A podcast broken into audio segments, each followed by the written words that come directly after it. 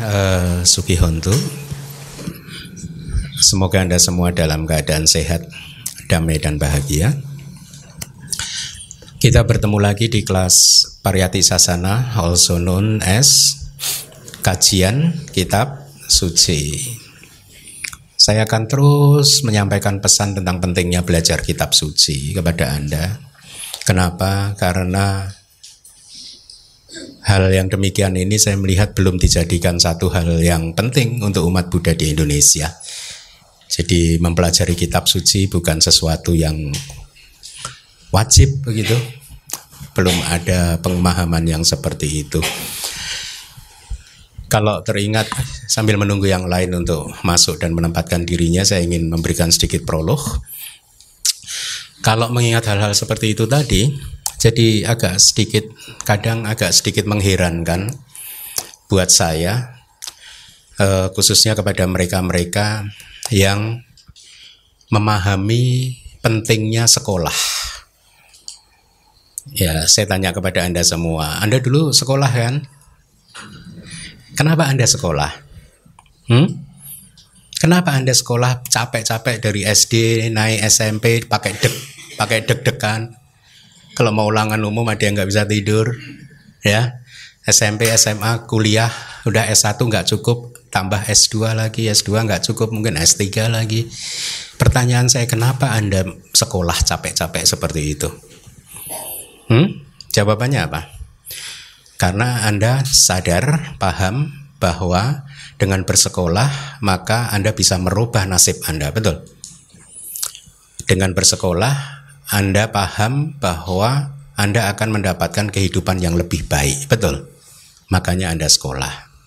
Tetapi paham tidak Anda bahwa sesungguhnya untuk membuat Anda itu benar-benar hidupnya itu damai, bahagia dan berkualitas, maka sebenarnya yang dibutuhkan tidak sebatas berhenti pada pengetahuan duniawi atau pengetahuan sekuler seperti itu, tetapi pengetahuan agama. Sadar nggak Anda? Bahwa pengetahuan tentang ajaran Buddha itu jauh lebih penting ya saya tidak mengatakan pengetahuan sekuler tidak penting karena itu memang dibutuhkan untuk kehidupan keduniawian Anda. Tetapi kalau Anda berpikir bahwa dengan sekolah di ilmu uh, sekolahan sekuler seperti itu, sekuler itu artinya yang bukan agama ya. Uh, kemudian Anda berpikir bahwa Anda akan mendapatkan kualitas hidup yang baik, berkualitas, damai dan bahagia, maka Anda keliru. Karena sesungguhnya yang bisa membuat hati Anda jadi baik, damai, dan bahagia itu adalah pengetahuan agama, pengetahuan ajaran Buddha. Itulah mengapa tadi di awal saya katakan agak sedikit mengherankan dan aneh buat saya, logikanya agak aneh buat saya. Kalau Anda semua tahu, sadar, paham pentingnya bersekolah SD, SMP, SMA, dan kuliah, tapi Anda nggak tahu, nggak paham, nggak sadar bahwa agama juga harus dipelajari. Paham maksud saya? Paham poin yang ingin saya sampaikan?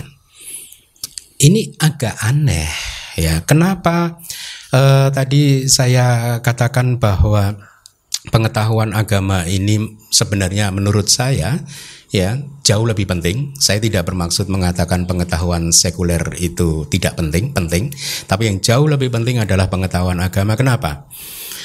Karena dari pengetahuan agama, pengetahuan Anda tentang ajaran Buddha yang baik dan benar, itu akan menjadi faktor yang sangat menentukan untuk kualitas kehidupan Anda di saat ini dan juga di kehidupan-kehidupan mendatang. Pengetahuan sekuler Anda sekolah SD, SMP, SMA, kuliah tidak mampu memberikan manfaat Anda di kehidupan ke depan dalam konteks kerangka untuk keluar dari samsara, dalam konteks atau kerangka untuk menjadi orang yang suci, tercerahkan.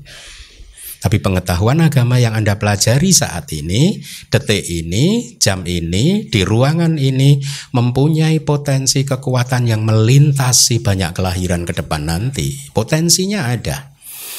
Potensinya sedemikian besar sehingga bisa membuat seseorang yang menguasai ilmu uh, pariyati itu kebajikannya berbuah besar. Berbuah besar itu adalah untuk mendukung pencapaian jana mereka, pencapaian maga jalan ya, pala buah dan juga nibana ya nah eh, pengetahuan tentang agama anda juga akan menjamin Anda untuk mengetahui mana yang baik dan mana yang tidak baik. Ya, jangan pernah Anda terlalu percaya diri bahwa saat ini Anda sudah tahu mana yang baik dan mana yang tidak baik loh. Karena sering kali apa yang Anda anggap baik itu menurut ajaran Buddha belum tentu baik. Semua orang di dunia ini yang melakukan yang kita kenal sebagai perbuatan buruk, besar kemungkinan ketika mereka melakukannya mereka berpikir bahwa yang dia lakukan adalah karma baik. Betul. Ya. Tapi apa yang kita pikirkan benar belum tentu itu benar menurut ajaran Buddha. Ya.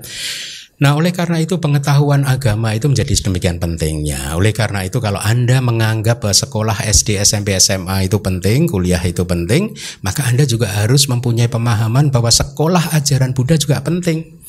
Maksud saya Anda tidak harus pergi ke sekolahan agama Buddha, Anda cukup pergi ke DBS.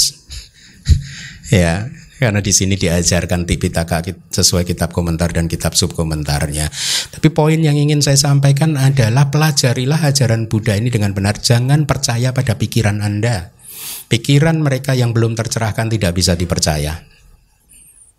Contohnya itu tadi, semua orang yang melakukan karma buruk, ketika dia melakukannya, dia berpikir bahwa dia melakukan karma baik. Betul tidak?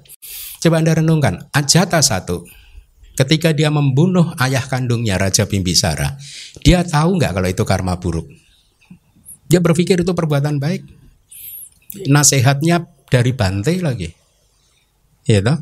Menurut dia itu perbuatan. Kalau dia tahu itu karma buruk yang berat, pasti dia nggak akan melakukannya. Betul. Pasti dia akan menahan diri, tapi gara-gara nggak tahu, maka dia melakukan karma yang sedemikian beratnya itu. Nah, kalau anda ingat di Cula Kama Wibangga Sutta, Seorang anak muda yang bernama Suba bertanya tujuh pertanyaan kepada Buddha. Ya, sutanya udah pernah saya bahas di kelas ini. Dari tujuh pertanyaan itu, pertanyaan yang terakhir adalah kira-kira Suba bertanya begini, kenapa ada manusia yang dilahirkan bodoh dan ada manusia yang dilahirkan menjadi orang yang pandai. Dan kemudian dijawab oleh Buddha, mereka yang lahir bodoh karena di masa lalu setiap kali bertemu dengan pertapa, dengan biku, dengan sangga tidak pernah mau bertanya. Oh, Bante dari 600 orang yang di ruangan ini kayaknya yang sering bertanya hanya dua orang Bante gitu. yang sisanya nggak suka bertanya Bante, tapi Anda mendengarkan. Anda udah paham semua, maka nggak Anda nggak bertanya. Tapi poin yang ingin saya sampaikan kepada Anda adalah efek dari tidak berpengetahuan gara-gara tidak mau bertanya itu tadi. Di kitab penjelasan akhirnya dijelaskan begini, seseorang yang lahir bodoh karena dia tidak mau bertanya. Efeknya ketika seseorang tidak pernah mau bertanya, maka dia tidak pernah tahu mana yang benar dan mana yang tidak benar. Betul. Dia tidak tahu apa yang harus dilakukan dan apa yang tidak boleh dilakukan. Benar? Akhirnya dia kebalik-balik. Apa yang benar dia anggap buruk, apa yang buruk dia anggap benar. Apa yang seharusnya dia lakukan malah dijauhi, tidak dilakukan. Apa yang seharusnya tidak dia lakukan malah dilakukan. Sehingga di kitab komentarnya dijelaskan gara-gara dia tidak pernah bertanya seperti itu akhirnya dia lahir di neraka. Lahir di neraka. Saya rasa sudah sejak dua tahun yang lalu mungkin saya sering mengangkat cerita Ajata satu cerita yang tragis tersebut ya. Bagaimana Ajata satu gara-gara mengikuti nasihat gurunya akhirnya malah lahir di neraka yang seharusnya dia bisa jadi seorang sotapana nah, jangan pernah juga berpikir bahwa tragedi Ajata satu hanya terjadi di zaman Buddha. Di zaman kapan pun akan selalu ada. Oleh karena itu pesan saya ya uh, belajarlah kitab suci. Karena kelahiran Anda seperti saat ini Anda dapat lagi nanti lahir seperti ini lagi ini aja, ya. Meskipun Anda nggak suka nih yang ini. Tapi kalau Anda ingin lahir lagi seperti ini itu pun sulit selama Anda putu jana loh ya. Hmm? Selama Anda tidak juga mencapai menjadi cula sotapana sulit untuk lahir lagi jadi manusia maka jangan disia-siakan. Toh hanya belajar itu hanya memakan waktu dua jam di dalam tujuh hari. Tapi manfaatnya besar sekali ya. Oleh karena itu pesan saya kalau anda benar-benar paham bahwa sekolah itu penting maka anda juga harusnya tahu bahwa belajar agama itu juga penting. Baik Uh, kelas kali ini adalah kelas suta yang kedua dari Kukura Watika Suta, ya, khotbah tentang pertapa yang berlatih kebiasaan seekor anjing. Saya akan minta PIC untuk membacakan sutanya terlebih dahulu. Puna, ada empat kama yang telah aku nyatakan setelah mengalaminya sendiri dengan pengetahuan yang lebih tinggi. Empat yang mana? Puna, ada kama yang gelap dengan resultan yang gelap. Ada kama yang terang dengan resultan yang terang. Ada kama yang gelap dan terang dengan resultan yang gelap dan terang. Ada kama yang tidak gelap dan tidak terang dengan resultan yang tidak gelap dan tidak terang yang mengarah pada kehancuran kama. Dan Buna, yang manakah kama yang gelap dengan resultan yang gelap? Di sini Buna, seseorang melakukan formasi-formasi tubuh yang menyakitkan, formasi-formasi lisan yang menyakitkan, formasi-formasi mental yang menyakitkan. Setelah melakukan formasi-formasi tubuh yang menyakitkan, formasi-formasi lisan yang menyakitkan, formasi-formasi mental yang menyakitkan, dia lahir kembali di dunia yang menyakitkan. Jadi formasi-formasi yang menyakitkan ini istilah lain untuk karma buruk. Kepada mereka yang telah lahir kembali di dunia yang menyakitkan, kontak-kontak yang menyakitkan menyentuh mereka. Ketika disentuh oleh kontak-kontak yang menyakitkan, jadi setelah lahir semua makhluk sebenarnya kita mengalami kontak. Seperti saat ini kita pun setiap saat mengalami kontak kan, kontak antara panca indera dan juga indera ke apa e, batin kita dengan objeknya masing-masing. Dia merasakan perasaan yang menyakitkan yang sama, penderitaan yang teramat sangat, seperti halnya makhluk-makhluk penghuni neraka. Dari kontak muncul perasaan yaitu patijak samupada ya. Jadi bunak Kelahiran kembali suatu makhluk berasal dari suatu makhluk. Suatu makhluk lahir kembali karena apa yang dia lakukan. Kepada mereka yang telah lahir kembali, kontak-kontak menyentuh. Demikianlah puna, aku katakan bahwa makhluk-makhluk adalah pewaris kama. Puna, inilah yang dikatakan sebagai kama yang gelap dengan resultan yang gelap. Dan puna, yang manakah kama yang terang dengan resultan yang terang? Di sini puna, seseorang melakukan formasi-formasi tubuh yang tidak menyakitkan, formasi-formasi lisan yang tidak menyakitkan, formasi-formasi mental yang tidak menyakitkan. Sekarang kita bicara tentang kama baik. Setelah melakukan formasi-formasi tubuh yang tidak menyakitkan, formasi-formasi lisan yang tidak menyakitkan, formasi-formasi mental yang tidak menyakitkan, dia lahir kembali di dunia yang tidak menyakitkan. Kepada mereka yang telah lahir kembali di dunia yang tidak menyakitkan, kontak-kontak yang tidak menyakitkan menyentuh mereka. Ketika disentuh oleh kontak-kontak yang tidak menyakitkan, dia merasakan perasaan yang tidak menyakitkan yang sama, kebahagiaan yang teramat sangat, seperti halnya para dewa asura yang sempurna. Aura. Dewa aura, aura yang sempurna. Ya. Jadi punah, kelahiran kembali suatu makhluk berasal dari suatu makhluk. Suatu makhluk lahir kembali karena apa yang dia lakukan. Kepada mereka yang telah lahir kembali, kontak-kontak menyentuh. Demikianlah punah, aku katakan bahwa makhluk-makhluk adalah pewaris kama. Punah, inilah yang dikatakan sebagai kama yang terang dengan resultan yang terang. Dan punah, yang manakah kama yang gelap dan terang dengan resultan yang gelap dan terang? Di sini puna, seseorang melakukan formasi-formasi tubuh yang menyakitkan dan juga tidak menyakitkan, formasi-formasi lisan yang menyakitkan dan juga tidak menyakitkan, formasi-formasi mental yang menyakitkan dan juga tidak menyakitkan. Jadi ini maksudnya satu saat, satu hari seseorang melakukan kama baik, kemudian di saat yang berbeda atau di hari yang berbeda dia melakukan kama buruk atau sebaliknya gitu ya. Jadi ada dua kama seperti kita saat ini di kehidupan manusia ini kan baik karma yang baik maupun karma yang buruk itu terus kita eh, lakukan. Yang buruk sih semoga enggak sih ya. Setelah melakukan formasi-formasi tubuh yang menyakitkan dan juga tidak menyakitkan, formasi-formasi lisan yang menyakitkan dan juga tidak menyakitkan, formasi-formasi mental yang menyakitkan dan juga tidak menyakitkan, dia lahir kembali di dunia yang menyakitkan dan juga tidak menyakitkan. kepada mereka yang telah lahir kembali di dunia yang menyakitkan dan juga tidak menyakitkan, kontak-kontak yang menyakitkan dan juga tidak menyakitkan menyentuh mereka. Ketika disentuh oleh kontak-kontak yang menyakitkan dan juga tidak menyakitkan, dia merasakan perasaan yang menyakitkan dan juga tidak menyakitkan yang sama. Percampuran antara duka dan suka dan duka ya. Percampuran antara suka dan duka seperti halnya para manusia, beberapa dewa tertentu dan beberapa asura yang telah jatuh. Jadi punak, Kelahiran kembali suatu makhluk berasal dari suatu makhluk. Suatu makhluk lahir kembali karena apa yang dia lakukan. Kepada mereka yang telah lahir kembali, kontak-kontak menyentuh. Demikianlah Puna, aku katakan bahwa makhluk-makhluk adalah pewaris kama. Puna, inilah yang dikatakan sebagai kama yang gelap dan terang, dengan resultan yang gelap dan terang. Dan Puna, yang manakah kama yang tidak gelap dan tidak terang dengan resultan yang tidak gelap dan tidak terang yang mengarah pada kehancuran kama?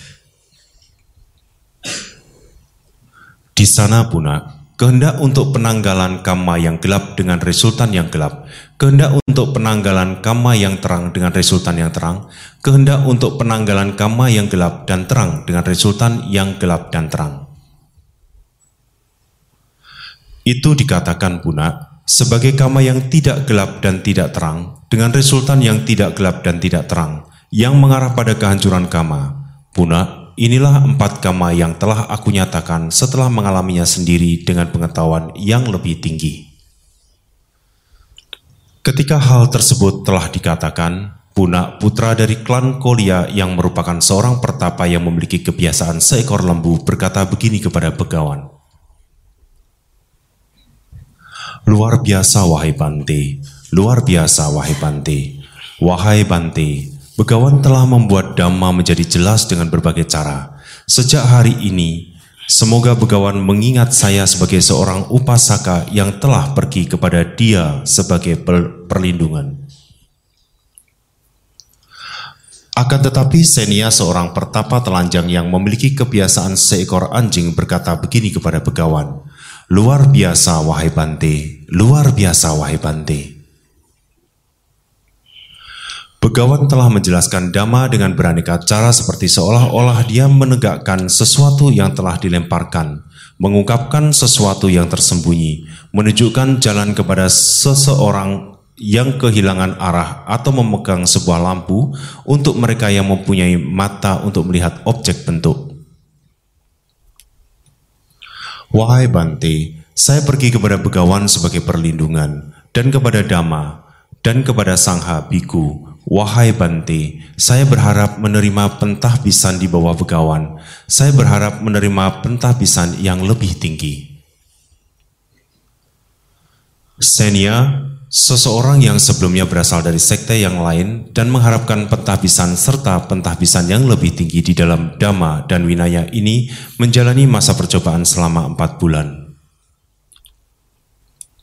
Setelah menyelesaikan masa selama empat bulan, setelah menyetujuinya, para biku memberikan dia pentahbisan dan pentahbisan yang lebih tinggi untuk menjadi seorang biku.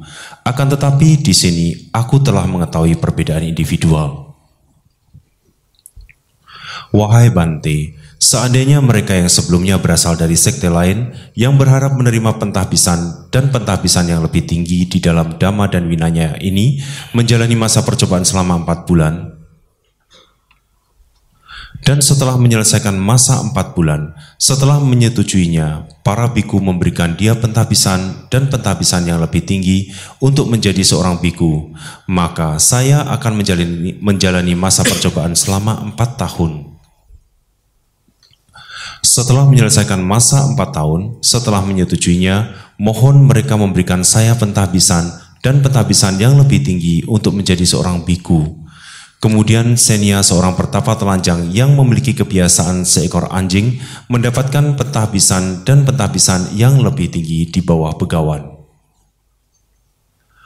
Dan selanjutnya tidak lama setelah ditahbiskan secara penuh, tinggal sendirian, mengasingkan diri, tekun, bersemangat, bertekad kuat, tidak lama kemudian, demi tujuan yang untuknya para laki-laki yang berasal dari suatu klan meninggalkan kehidupan rumah tangga dari rumah ke kehidupan tanpa rumah setelah mengalami sendiri dengan pengetahuan yang lebih tinggi di sini dan saat ini.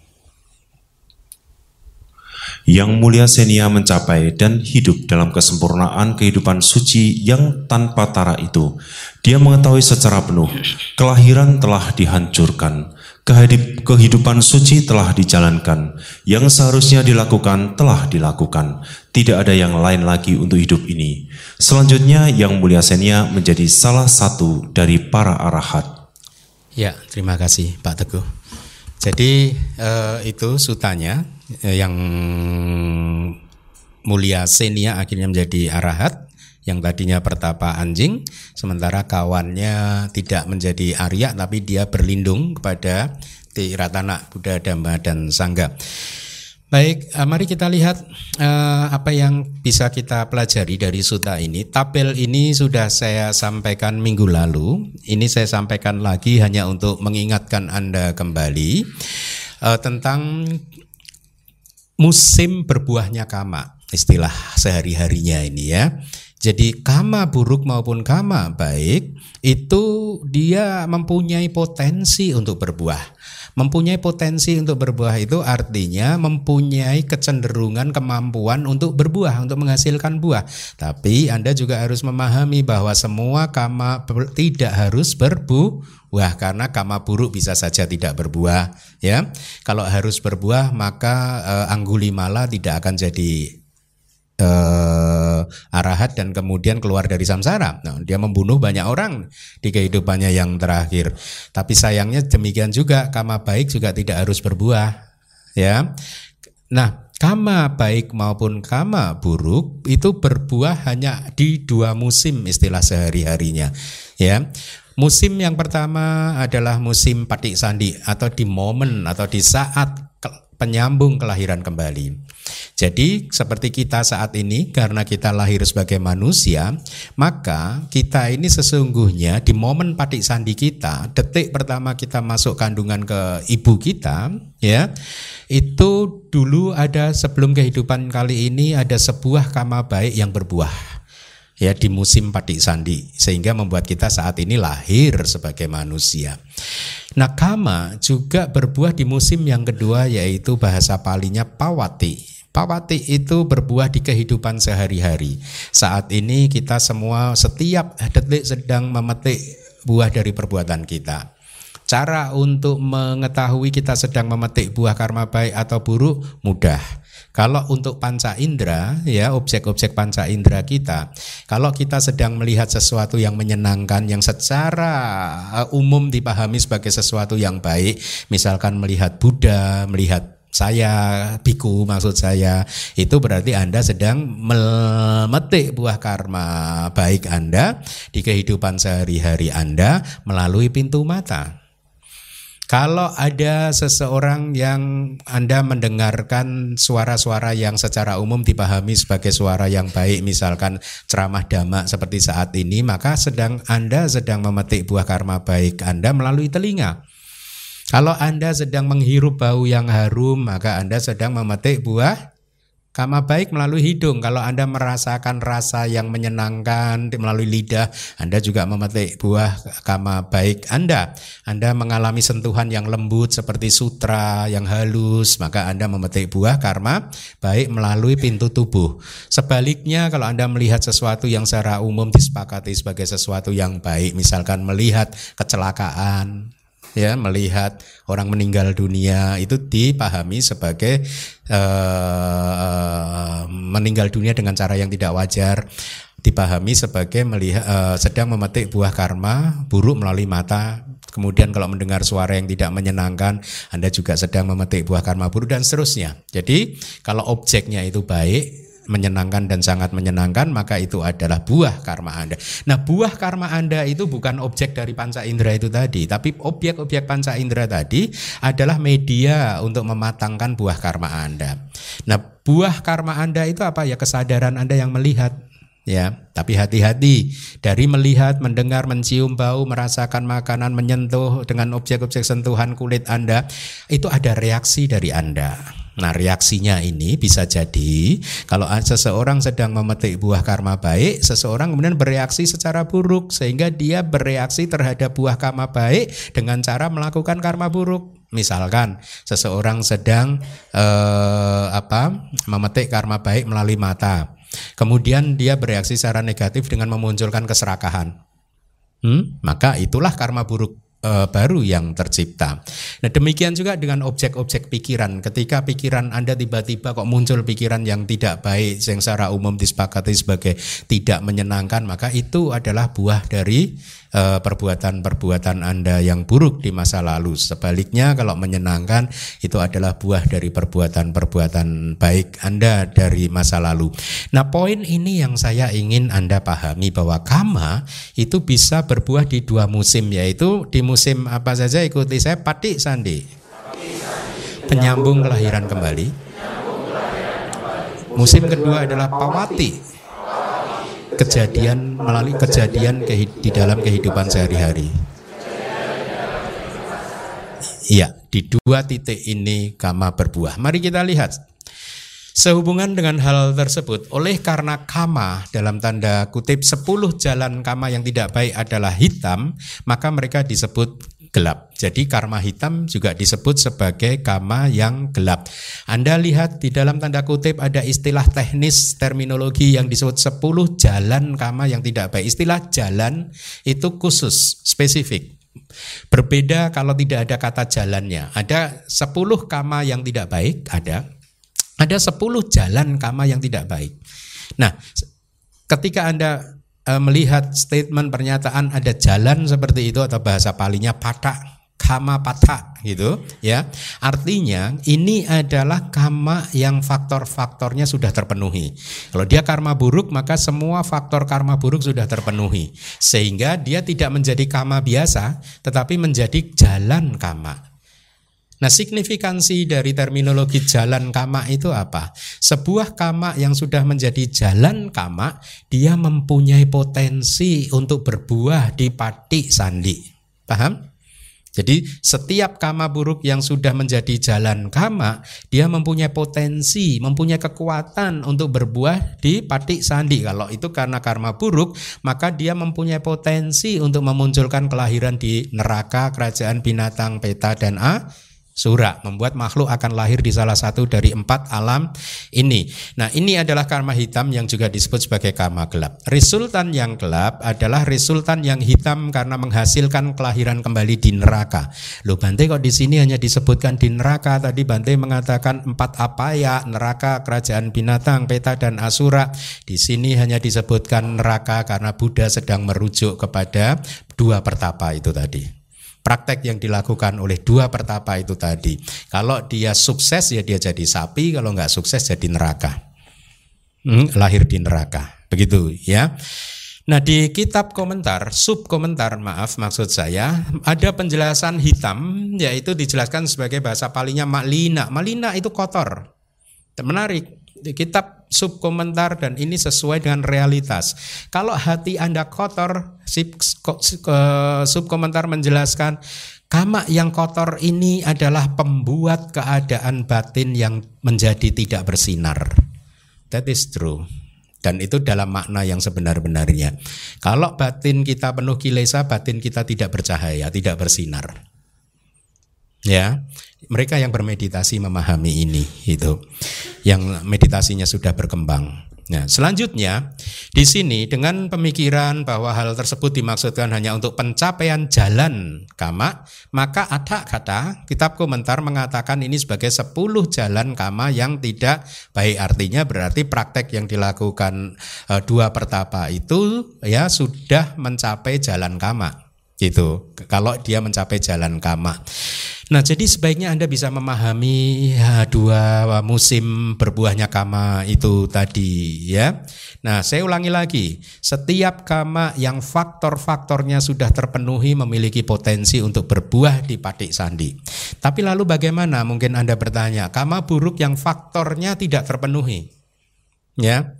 Karma buruk yang faktornya tidak terpenuhi, dia hanya bisa berbuah di kehidupan sehari-hari. Satu Kama-kama buruk yang faktornya tidak terpenuhi, dia hanya bisa berfungsi sebagai fungsi kama yang uh, ada empat fungsi kama, tapi ini dia produktif di kehidupan sehari-hari atau dia bisa hanya menjadi karma pendukung saja tidak berbuah tapi dia mendukung kama yang sejenis atau dia menjadi kama penekan represif kama yang menekan buah karma yang berlawanan dengan dia. Kalau karma baik menekan karma buah karma buruk karma buruk menekan buah karma baik. Atau dia bisa menjadi kama penghancur kama destruktif. Itu signifikansinya dari kama yang faktor-faktornya tidak uh, terpenuhi.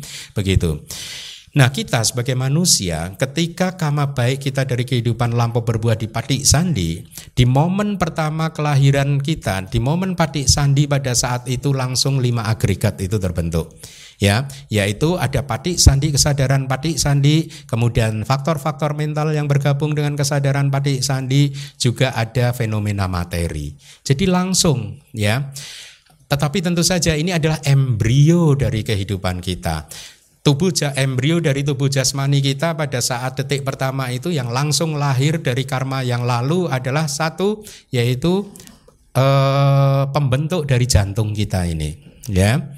Kemudian pembentuk dari tubuh jasmani dan juga jenis kelamin kita. Jadi tiga klaster materi ini sudah muncul bahkan di detik pertama ya. Apa yang akhirnya akan berkembang jadi jantung Anda, tubuh jasmani Anda dan jenis kelamin Anda itu sudah ada bahkan di detik pertama ketika Anda atau kita itu lahir. Nah, disebut gelap itu adalah kejahatan karena dia menjadi sebab untuk kelahiran kembali di bumi yang gelap itu ya. Jadi Anda harus percaya ini ya. Uh, jangan ah, enggak lah menurut saya enggak gelap-gelap amat ya. Itulah mengapa ada kata kitab komentar mengatakannya sebagai resultan yang hitam yaitu karena lahir di neraka artinya sebagai reproduksi dia melahirkan kelahiran di alam yang bawah ya, ya. Nah, jadi kama hitam ini adalah yang disebutkan Buddha dan ada di teks tadi adalah jalan kama buruk dan bisa membuahkan patik sandi di neraka gitu ya. Nah, mari kita lihat. Saya baru kemarin mempertimbangkan untuk kembali mencantumkan eh, faktor-faktor uh, ini gitu ya. Faktor dari uh, kama buruk Pertimbangan saya adalah saya ingin supaya Anda benar-benar paham memahami 10 karma buruk gitu ya. Kenapa? Karena akhir-akhir ini saya sering mendengar cerita-cerita yang sangat istilahnya itu memprihatinkan gitu ya. Cerita-cerita yang memprihatinkan di mana seseorang melakukan karma buruk yang sesungguhnya dia bisa hindari kalau dia berpengetahuan. Seperti tadi yang di awal saya katakan, seandainya saja dia itu paham, belajar ajaran Buddha, maka dia bisa menghindari karma-karma buruk itu. Tapi karena dia nggak paham, maka dia tidak bisa menghindarinya. Seperti yang minggu lalu sudah pernah saya sampaikan kepada Anda bahwa Anda itu dalam posisi yang sangat lemah. Kenapa sangat lemah? Karena Anda bahkan tidak bisa menilai, mengerti apa yang saya sampaikan ini benar atau salah. Demikian pula Anda tidak bisa menilai apa yang disampaikan oleh orang lain selain saya itu benar atau salah. Berbahaya tidak? Berbahaya tidak? Anda bisa mempercayai apa yang Anda anggap benar padahal itu salah loh. Ya, oleh karena itulah pembelajaran seperti Pariyati Sasana ini, pembelajaran kitab suci, Tripitaka, kitab komentar dan supkomentar harusnya dibudayakan di seluruh Indonesia demi manfaat umat semua, demi manfaat saya juga. Bahkan saya sering merenungkan sejak saya mengajar dengan model seperti ini hidup saya lebih nyaman. Kenapa? Karena saya tidak mempunyai beban yang berat. Beban yang berat apa? Dibandingkan saya harus berceramah dengan kata-kata saya sendiri, itu bebannya lebih berat. Karena ada tanggung jawab moral, ya. Ada tanggung jawab supaya saya tidak memberi nasihat yang salah. Tetapi kalau saya hanya membacakan apa yang di kitab suci, beban itu nggak ada. Ya, nah kembali lagi, jadi pariyati yang seperti ini harusnya dibudidayakan, disebarkan ke seluruh Indonesia untuk manfaat kita semua dan kedua untuk stabilitas ajaran agama Buddha, ajaran Buddha. Untuk kemudian supaya meminjam kata-kata Buddha mencegah supaya tidak ada sampah dan lumpur untuk masuk ke ajaran Buddha. Selama Tripitaka, kitab komentar dan subkomentar ini belum disebarkan ke seluruh Indonesia, maka ajaran Buddha akan rentan terkena dimasuki oleh sampah dan lumpur. Gitu dan itu terjadi di Indonesia, ya. Nah, oleh karena itulah atau yang kedua, saya pernah seorang umat datang kepada saya, dia datang dalam maaf ya keadaan depresi sudah cukup lama depresinya berkepanjangan. Setelah saya tanya, dia dia mera, depresinya itu disebabkan karena menurut dia dia sudah melakukan karma buruk. Ini true story juga. Cerita yang sesungguhnya terjadi. Jadi menurut yang bersangkutan dia sudah melakukan karma yang buruk sekali sehingga dia ketakutan. Dianggap wah ini saya sudah melakukan karma berat ini. Yang yang buruk ya. Selama beberapa bulan dia jatuh dalam depresi, merasa bersalah Kemudian akhirnya sama mungkin keluarga atau istrinya juga dibawa untuk ketemu saya. Setelah saya minta dia bercerita, kemudian saya katakan kepada dia bahwa Anda tidak melakukan karma buruk yang berat itu. Itu terus story, ya. Dan setelah itu dia bebas dari depresi dan sampai hari ini jadi orang yang baik. Memang dia pada dasarnya orang yang baik. Ya, jadi lihatlah bahkan seseorang bisa depresi karena berpikir bahwa dia sudah melakukan karma buruk, padahal ternyata bukan karma buruk karena kurang pengetahuan. Di sisi yang lain ada seseorang yang dengan yakinnya dia sudah melakukan karma baik, ternyata itu karma buruk. Dan itu terjadi, di setiap zaman akan terus terjadi. Oleh karena itu dengan mempertimbangkan hal-hal seperti itu tadi saya kembali mencantumkan tabel yang ada di layar ini. Ini murni dari saya tetapi saya ambil dari buku saya. Buku yang saya tulis terjemahan dari buku manual Abidama yang kelima ya. Kalau Anda ingin baca Anda bisa baca di sana manual Abidama bab kelima atau Anda bisa membaca di buku Kama pusaran kelahiran dan kematian tanpa awal yang saya tulis itu juga seharusnya ada. Nah jadi kama buruk itu terjadi melalui tiga pintu Yang ini Anda juga harus paham Mungkin Anda sudah paham waktu ikut sekolah minggu dulu Tapi saya nggak yakin kalau Anda pahamnya itu detail ya. Jadi kama buruk melalui tiga pintu yaitu pintu tubuh, pintu ucapan, dan pintu mental Kama buruk yang melalui pintu tubuh itu ada tiga, yaitu ikuti saya pembunuhan makhluk hidup. Sambil ketuk kok bangku Anda. Amit amit jangan jangan jangan jangan jangan. Kemudian yang kedua pencurian. Ketok tempat duduk jangan jangan jangan jangan jangan amit amit. Ketiga perzinahan. Jangan jangan jangan jangan. Ya. Nah, unsurnya faktor-faktornya itu harusnya mungkin unsur atau faktor untuk disebut sebagai pembunuhan makhluk hidup maka satu perbuatan harus memenuhi lima unsur yang ada di kolom yang kedua. Yaitu yang pertama harus ada makhluk hidup. Ya benar kalau nggak ada makhluk hidup yang dibunuh apa? Ya kedua ada persepsi paham bahwa itu makhluk hidup Ketiga ada pikiran untuk melakukan pembunuhan. Keempat ada upaya. Kelima ada kematian terjadi setelah itu. Jadi kalau kelima faktor ini terpenuhi maka itulah pembunuhan makhluk hidup. Ya. Kembali lagi, tabel ini saya saya cantumkan kembali supaya Anda benar-benar paham sehingga Anda bisa menghindari perbuatan-perbuatan yang buruk tersebut. Betul? Ya. Nah, caranya sekarang Anda lihat guru-guru kita di kitab komentar dan kitab sum komentar memberikan informasi kepada kita bahwa pembunuhan makhluk hidup caranya bisa dilakukan satu di kolom yang ketiga itu Anda baca turun tangan sendiri artinya dikerjakan sendiri. Kedua, terjadi bisa melalui perintah. Anda bisa atau seseorang bisa aja merintah tolong dong itu dibuat ini tidur nyenyak selama-lamanya. Nah. atau melalui tulisan juga bisa ya. Kemudian melalui pelontaran, melalui pelontaran itu misalkan apa eh, eh, mungkin seperti apa ya benda ya, pedang begitu ya panah ya panah pedang begitu eh, dan lain-lain ya pedang juga bisa. Kemudian melalui benda yang tidak bergerak gitu. Benda yang tidak bergerak itu akhirnya uh, maksudnya harusnya membuat lubang jebakan. Ya, ada kan? Kalau di hutan pemburu mau menangkap binatang dia membuat lubang jebakan. Jadi ini sarananya, cara-caranya gitu. Atau melalui mantra. Ya, nah ini panjang kalau nanti kalau anda mau bertanya silahkan tanya, saya jawab. Tapi saat ini uh, kita nggak cukup waktu. Kemudian melalui kekuatan gaib juga bisa. Ya, jadi yang harus Anda pahami di sini, meskipun pembunuhan makhluk hidup disebut sebagai kama buruk melalui tubuh, tapi pembunuhan makhluk hidup juga bisa terjadi melalui pintu ucapan. Paham? Ya, kalau seorang raja memerintahkan algojonya, tolong penjahat itu di bumi kan, biar suka sama bumi maksudnya. ya, itu pun pembunuhan melalui lisan, tetapi dia tetap saja masuk klasifikasi sebagai kama uh, buruk tubuh yang uh, muncul uh, apa melalui pintu tubuh ya. Nah, uh, apa? Kemudian yang kedua Anda lihat pencurian ya. Pencurian itu faktor-faktornya juga satu harus ada benda yang diaku memang itu menjadi milik orang lain. Kemudian adanya persepsi bahwa benda tersebut milik orang lain. Jadi yang bersangkutan tahu bahwa benda yang itu adalah milik orang lain.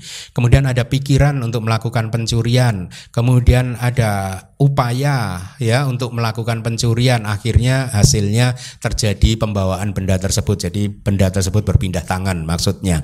Nah, caranya itu ada beberapa yaitu eh, tadi turun tangan sendiri bisa, melalui perintah bisa, melalui pelontaran bisa, benda yang tidak bergerak bisa, mantra dan kekuatan gaib. Jadi sama ya dengan yang pertama tadi. Kemudian persinahan ya objeknya termasuk dalam wilayah yang terlarang. Jadi guru-guru kitab komentar dan subkomentar mengklasifikasikan objek itu sebagai ada perempuan yang masuk dalam wilayah yang terlarang, ada yang tidak terlarang. Yang terlarang itu adalah yang masih dilindungi ayahnya, ibunya, saudara, saudara, saudaranya, teman di dalam kehidupan suci atau bertunangan, itu wilayah-wilayah yang tidak boleh dilanggar. Itu ya, Anda boleh baca nanti di buku saya akan mendapatkan informasi yang uh, lengkap. Nah, berkaitan dengan persinahan ini, ya. Kadang orang itu terlalu berpikirnya matematis gitu lurus gitu. Ya. Kan memang kitab kitab penjelasan itu menjelaskan bahwa persinahan itu objeknya perempuan. Lalu ada loh yang berkomentar kenapa ya dari dulu yang dijadikan objek hanya perempuan perempuan hanya jadi objek. Terus ada lagi yang bertanya, kalau perempuan yang melakukan pelanggaran bisa nggak? Berarti ini kok hanya laki-laki yang bisa melakukan perzinahan? Jadi perempuan nggak bisa melakukan perzinahan. Ada yang berpikir seperti itu. Enggak, Bapak Ibu. Ya, walaupun di kitab banyak dikatakan laki-laki, tapi harus dipahami perempuan juga berlaku. Jadi kalau ada perempuan ya eh, mendapatkan objek yang termasuk dalam wilayah yang terlarang itu juga persi nahan sama. Nah, jangan berpikirnya aduh kok selalu laki-laki aja sih yang diinikan gitu ya. Nah kemudian Faktor yang kedua atau unsur yang kedua adalah pikiran untuk melakukan persatuan ya di dalam wilayah tersebut dengan orang tersebut. Usaha untuk melakukan persatuan ya antara laki-laki dan perempuan, ada persetujuan untuk praktek jalan dengan jalan, kemudian atau hubungan seks maksudnya ya. Itu eh, faktor-faktornya dan persinahan cara eh, kama buruk ini dilakukan hanya dengan satu cara yaitu turun tangan sendiri. Anda nggak bisa minta tolong orang lain.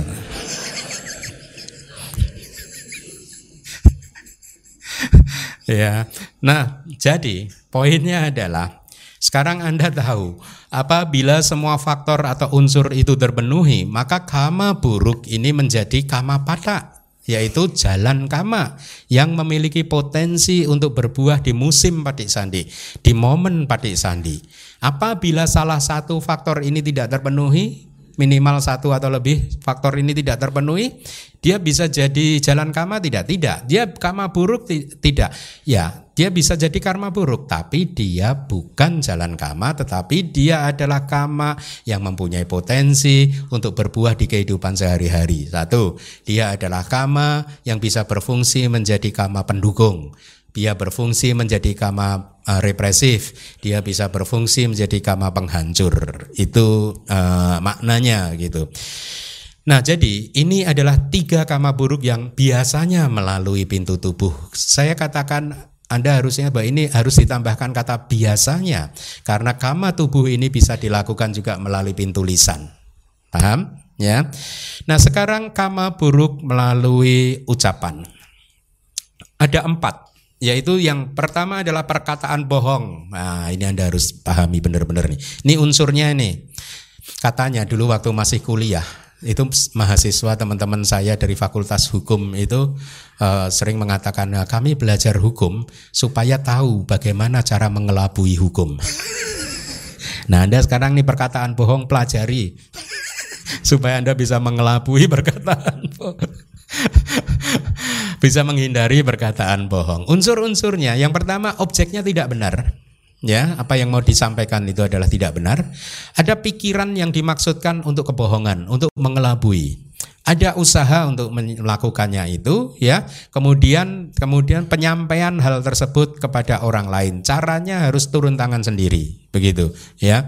Meskipun ini adalah karma ucapan tapi hati-hati. Karma ucapan bisa juga terjadi melalui tubuh pintu tubuh ketika Anda menulis surat yang berisi kebohongan Ketika Anda chat WhatsApp, hmm, bahagianya hari ini padahal habis berantem. sama sama suami sama istri. ya, hati-hati chat juga bisa chatting begitu, bisa berbohong. Padahal itu pintu tubuh kan, tapi itu dianggap pintu ucapan atau tulisan tangan. Ya, Anda menulis sesuatu yang tidak benar gitu. Nah, eh, Perkataan bohong terjadi di pintu ucapan dan juga bisa terjadi di pintu tubuh yang bertujuan untuk melakukan penipuan demi kerugian orang lain. Niatnya mengelabui orang lain. Jadi ini adalah kama atau kehendak cetana untuk mengatakan kepada orang lain tentang sesuatu yang tidak benar sebagai benar. Ya, kalau Anda yang berdagang misalkan itu sering kan di dalam ceramah saya kan kalau ditawar nih harganya mahal gitu. Enggak lah katakanlah anda jualnya satu juta. Padahal anda belinya di tempat yang lain itu cuma seratus ribu katakanlah. Ya untung sembilan ratus ribu kan. Kemudian ada orang yang bilang ini mahal amat sih. Enggak lah saya juga belinya udah mahal loh belinya sembilan ratus ribu untungnya nah, itu udah anda bohong tapi kan dagang nggak bisa bantai terhindar dari kebohongan siapa bilang. Ya, kalau Anda bohong karena salah Anda sendiri. Siapa yang suruh Anda ngaku bahwa Anda belinya 900 ribu? Wong dia bukan polisi. nggak mengancam Anda untuk mengaku. Ya, ya hati-hatilah. Makanya berbicara itu harus hati-hati gitu. Di dalam winaya juga diatur yang seperti ini. Seorang biku tidak boleh mendeklarasikan dirinya sendiri bahwa kepada oh, e, mereka yang tidak ditahbiskan secara penuh bahwa dia sudah mencapai pencapaian-pencapaian spesial. Tetapi kalau dia mau mendeklarasikan diri, dia harus membuat cerita yang melingkar.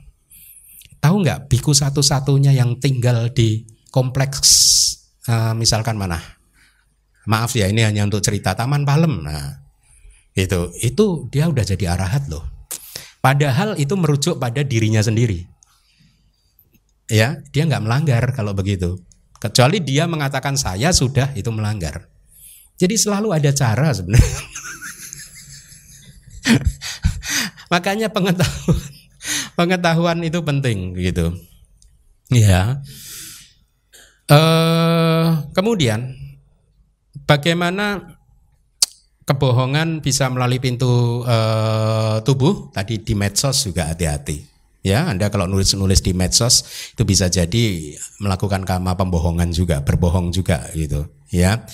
Kemudian yang bawah adalah ucapan fitnah unsurnya orang lain yang hendak dipisahkan. Jadi ada dua orang berteman, kemudian Anda bermaksud untuk memisahkan mereka supaya mereka nggak berteman lagi, supaya mereka nggak bersahabat lagi. Anda menggunakan ucapan-ucapan supaya yang bersangkutan tidak disukai oleh pihak yang lain dan sebaliknya pihak yang lain itu menjadi menyukai Anda. Itu ucapan fitnah. Ya bermaksud untuk memecah belah gitu.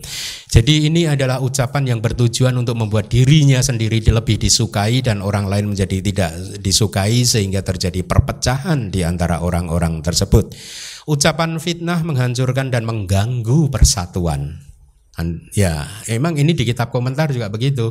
Fitnah mengganggu dan menghancurkan persatuan dan kita paham betul bagaimana uh, cerita-cerita kemarin hoax yang beredar di di dunia maya itu benar-benar menghancurkan persatuan kita kan? Ya, bangsa Indonesia itu menjadi terbelah menjadi dua kubu seperti itu itu karena cerita-cerita bohong, cerita fitnah juga. Hmm? Banyak yang percaya cerita bohong dan cerita fitnah loh. Ya. Nah, eh, itu adalah ucapan fitnah. Kemudian yang berikutnya adalah ucapan kasar Unsur atau faktornya adalah satu ada orang lain yang hendak dihardik, dimarahi, kemudian ada pikiran yang disertai kemarahan, Ketiga ada hardikan atau caci maki atau cacian gitu. Ucapan kasar ini adalah ucapan yang menyakitkan telinga dan tidak menyejukkan hati siapa pun yang mendengarkannya. Ini adalah ucapan yang melukai ulu hati seseorang kalau di kitab komentar itu dijelaskan ya. Tetapi Anda harus memahami bahwa belum tentu ucapan kasar itu adalah kama buruk ya. Karena di kitab komentar juga dijelaskan kalau seorang guru kami sebagai guru ya kalau di kitab komentar ceritanya begini. Ada seorang guru penahbis mempunyai banyak murid. Dari banyak murid beberapa murid di antaranya itu lemot istilahnya lemot, males, nggak mau belajar, nggak mau berlatih dengan uh, baik dan benar, tidak punya disiplin meskipun dia adalah seorang biku.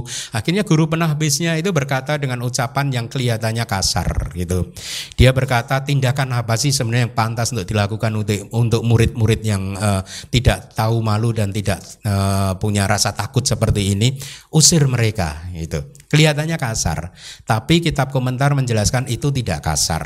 Karena apa? Karena sebenarnya hati dari guru penahbisnya itu eh, tidak sekasar apa yang diucapkannya. Maksud hatinya adalah ingin muridnya itu berkembang, maka oleh karena itulah ucapannya tidak bisa dikatakan sebagai ucapan yang kasar. Jadi ingat, semua ucapan yang kasar belum tentu itu adalah kama buruk. Ya. Tapi sebaliknya juga ucapan yang lembut juga belum berarti itu tidak kasar. Hmm? Jadi uh, don't judge. Anda udah kata. ya, seorang yang lembut belum tentu nggak benang, belum tentu itu tidak jahat. Juga sama, ya. Jadi kalau di, di kitab disebutkan begini, ucapan yang lembut tapi termasuk dalam ucapan kasar. Seorang raja yang tadi saya saya sampaikan nah, memberikan hukuman kepada kriminal dengan meminta pengawalnya dengan mengucapkan kata-kata tidurkan penjahat itu dengan nyaman. Artinya bunuhlah penjahat itu. Kelihatannya lembut kan? Padahal itu ucapan kasar. Ya, dan juga itu adalah pembunuhan. Itu, ya. Nah, yang berikutnya adalah omong kosong. Nah ini unsurnya adalah ada tujuan untuk melakukan percakapan tentang sesuatu yang tidak bermanfaat. Kedua adalah penurutan cerita artinya menurutkan uh, menyampaikan cerita ter tersebut kepada orang lain. Omong kosong ini adalah kama buruk melalui ucapan tapi kadang juga bisa melalui tubuh. Ya, jadi poinnya adalah tubuh bisa bertindak sedemikian rupa untuk menyampaikan sesuatu yang tidak bermanfaat. Sama, berbohong tadi juga bisa dilakukan melalui tubuh. Hah? Kalau seseorang mengatakan tidak padahal sebenarnya yang benar adalah iya, itu udah berbohong. Dia enggak. Wah, jangan berpikir terlalu lurus. Berbohong, oh berbohong karena akarnya ucapan. Berarti sekarang saya kalau berbohong lewat tubuh aja. Berarti itu bukan karma, bukan karma berbohong. Hah? Tetap aja itu berbohong. Makanya kalimat di teks di Abidama itu dikatakan ada kata biasanya yebu yena. Jadi karma buruk melalui ucapan. Ini adalah karma yang biasanya melalui ucapan. Kalau di Abidama dideskripsikan, definisikan secara akurat seperti itu. Nah, omong kosong eh, eh, kalau di kitab juga sebenarnya dari semua karma buruk tadi ada bobotnya Jadi semua karma dua orang melakukan karma buruk bobotnya bisa berbeda-beda. Ya, kalau dalam kaitannya dengan omong kosong, bobot karma buruknya menjadi lebih berat kalau cerita ini sering dia ulang-ulang. Ya, cerita sinetron kayak apa kayak itu om, termasuk omong kosong loh itu. Ya, karena kan itu tadi e, tidak bermanfaat untuk perkembangan dhamma. Halo. Ya, ada telepon dari Catuk Maharajika Dewa.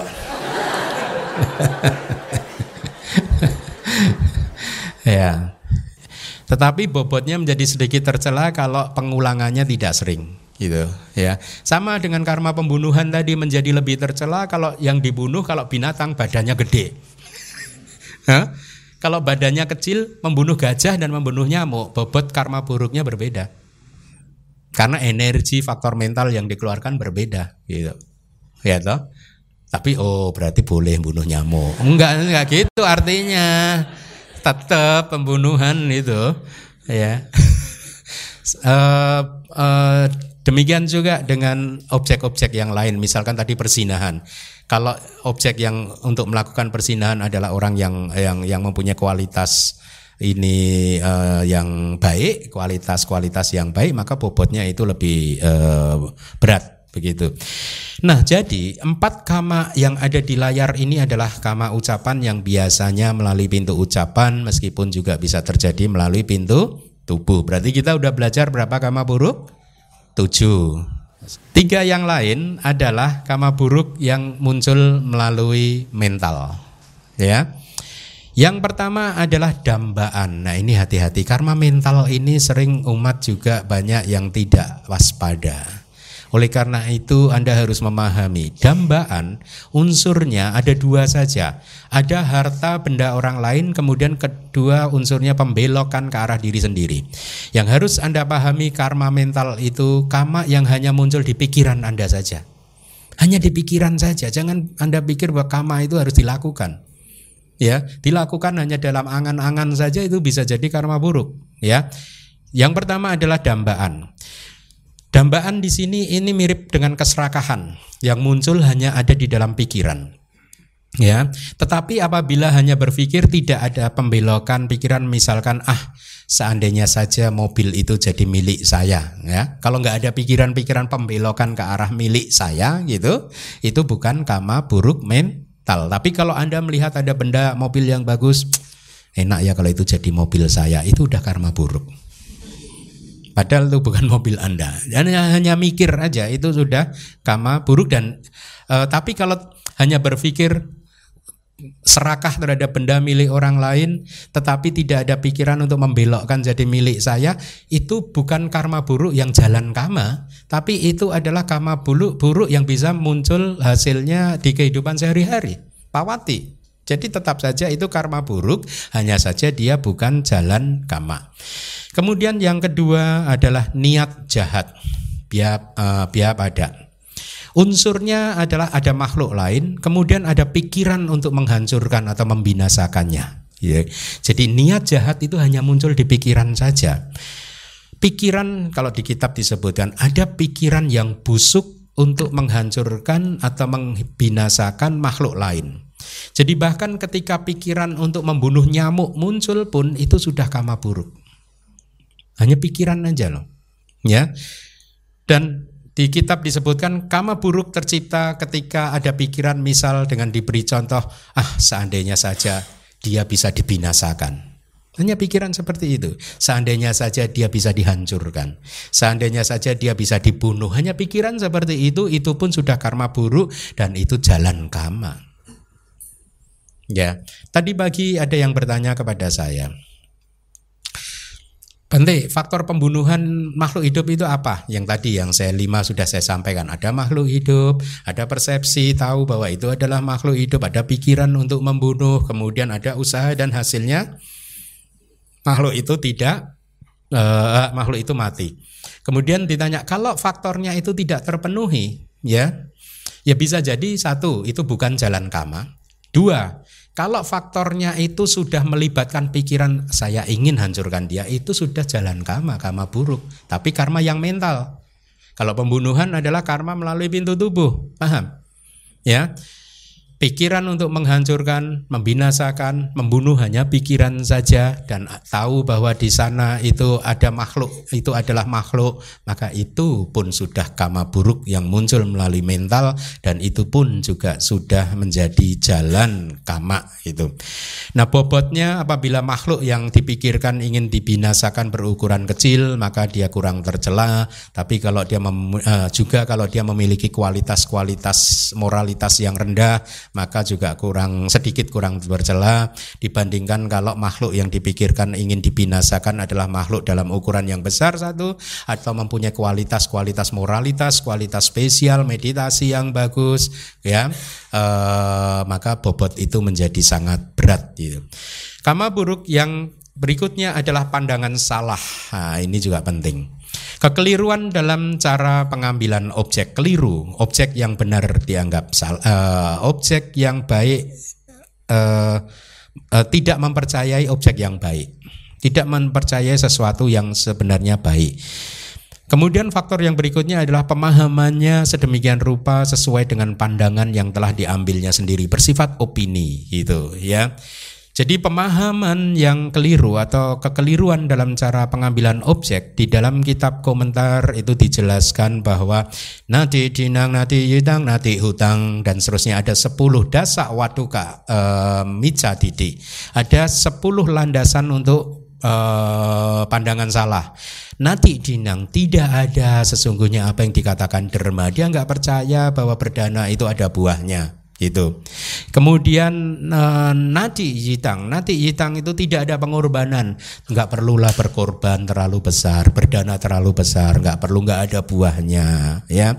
Nati hutang tidak ada persembahan, artinya apa? Kalau ada tamu nggak perlulah diberi oleh-oleh apa buah tangan atau apa pun dijamu, ya.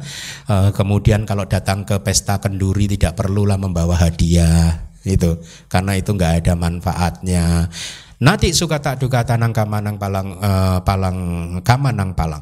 Ti uh, wipako tidak ada resultan dan juga buah untuk kama-kama yang baik dan juga kama-kama yang buruk ya.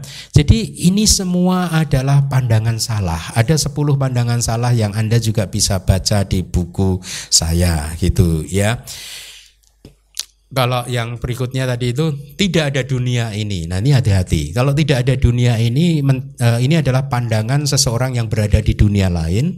Kemudian dia berpikir nggak ada alam manusia. Itu pandangan salah. Tidak ada dunia lain. Ini untuk seseorang seperti kita yang ada di sini berpikir bahwa nggak ada surga, nggak ada neraka, nggak ada alam kelahiran yang lain, gitu ya.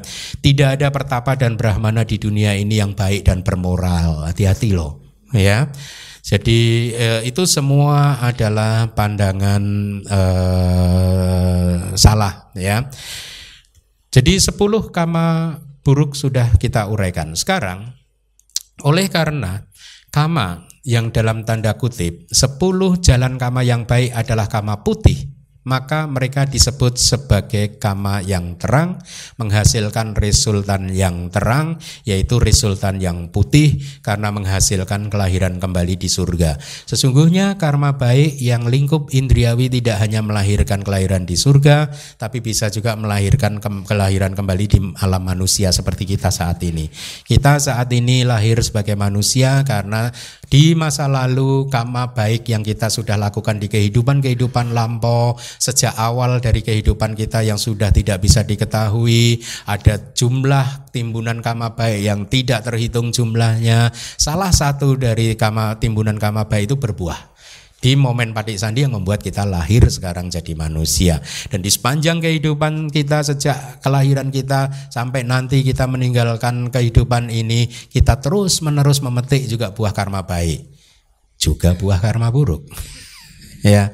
Nah kitab komentar memberikan penjelasan terang itu putih artinya adalah dia pembuat keadaan batin yang menjadi bersinar dalam arti yang sebenar-benarnya Penuh kebaikan karena menjadi sebab untuk kelahiran kembali di bumi yang terang, yaitu di alam-alam yang penuh kebahagiaan. Ada alam manusia, enam alam surga. Nah, makanya sebenarnya surga lingkup indriawi ada enam, tapi masih ada lagi surga yang di atasnya. Surga materi halus ada 15, eh, 16, kemudian ada surga yang non materi ada empat. Berarti kita punya surga berapa? 6 tambah 16 tambah 4. Berarti berapa? Enakan beragama Buddha kan? Surganya banyak, Anda bisa milih ya. Enak daripada surganya hanya satu. Enakan 26 kan? Ya. Nah, Uh, itulah mengapa ada kata mengatakan resultan yang terang, buah yang terang artinya sebagai reproduksi menghasilkan kelahiran di alam yang penuh kebahagiaan. Kelahiran kembali di surga dan di bumi manusia yang menguntungkan adalah resultan yang terang. Dalam hal apa pun telah dikatakan sebagai kecemerlangan kehidupan. Selanjutnya telah dikatakan demikian karena menghasilkan kelahiran kembali di surga dengan melalui kesatuan penjelasan yang analitis yang nanti akan saya sampaikan juga. Kita masih punya sedikit waktu, saya rasa kita bisa eh, saya bisa sampaikan ini. Kama baik itu tidak sebatas yang Anda mungkin pahami hanya ada 10 kama baik. 10 kama baik itu hanyalah kama baik lingkup indriawi. Ya, meskipun selain ini masih ada 10 kama baik yang lain yaitu menahan diri dari 10 karma buruk. Itu pun juga karma baik, ya. Jadi ada 20 ini karma-karma baik ini. Tapi di samping kama baik yang lingkup indriawi, ada lagi kama baik lingkup materi halus, yaitu ketika Anda mencapai jana materi halus. Kemudian ada lagi kama baik lingkup non materi, yaitu ketika Anda mencapai jana non materi. Jadi ada kama baik lingkup indriawi, ikuti saya. Kama baik lingkup materi halus ketika Anda mencapai jana materi halus, kemudian kama baik lingkup non materi. Yaitu ketika Anda mencapai jana non materi. Di layar ada 10 kama baik ini. Yang pertama adalah derma atau dana, ya. Kemudian akhlak atau moralitas sila, ya. Pengembangan batin bhawana, ya. Penghormatan, pelayanan yaitu tim WA Wacak di DBS yang setiap kali melayani kita semua itu juga sedang melakukan kama baik, persembahan jasa kebajikan atau pelimpahan jasa, tujuh ungkapan kebahagiaan atas kebajikan orang lain dengan mengucapkan sadu ya. Jadi kalau sebenarnya kalau Anda paham teori-teori begini, melakukan kama baik itu bisa tanpa modal dan tanpa keluar keringat. Paham? Caranya nanti kan ada makan kan di sana kan? Anda setelah ini kan makan siang. Kan selalu ada petugas yang membagikan makanan kepada Anda kan? Ya, datangi satu-satu anjali satu, satu, satu. Terus kalau ada 10 berarti Anda ucapkan satu, satu, satu. Anda udah melakukan kama baik nomor 7 itu tadi. Langsung 10 kali. Tercipta. Nggak keluar keringet, nggak capek, nggak modal. Ya? Atau Anda nungguin petugas di reception, kan biasanya ada yang berdana itu, ya toh? Di reception berdana kalau berdana Anda tungguin di dekatnya aja di samping cari tempat mojok. Begitu ada yang berdana gitu oh kok sadu. Kalau perempuan cik sadu sadu sadu terpujilah gitu. Anda nggak usah berdana. Kan rugi kan wong bisa melakukan kama baik tanpa modal kok kenapa harus keluar modal? Kan rugi. Ya enggak jadi biar orang lain yang berdana, yang keluar Anda yang sadu, sadu. Nah, nanti ikut perayaan Katina kan biasanya ada seribu lebih orang berdana kan. Nah, manfaatkan jangan ketinggalan kehilangan kesempatan untuk berbuat baik di perayaan Katina ketika sanggadana Anda di samping panggung. Ya, kemudian begitu ada orang dana mempersembahkan jubah Anda sadu sadu sadu sadu seribu kali. Jadi Anda sudah menanam seribu benih karma baik. Jadi kalau Anda berpengetahuan, Anda itu bisa berbuat baik yang sedemikian murahnya itu tadi. Benar nih Bante. Nah coba aja. Nah nanti buahnya apa ya? Buahnya Anda nanti kalau uh, saya pengen dapat rezeki banyak ya kok seluruh hidup saya kok sulit dapat rezeki semoga saya dapat rezeki nanti teman-teman anda akan datang satu seribu teman akan datang langsung dibalas satu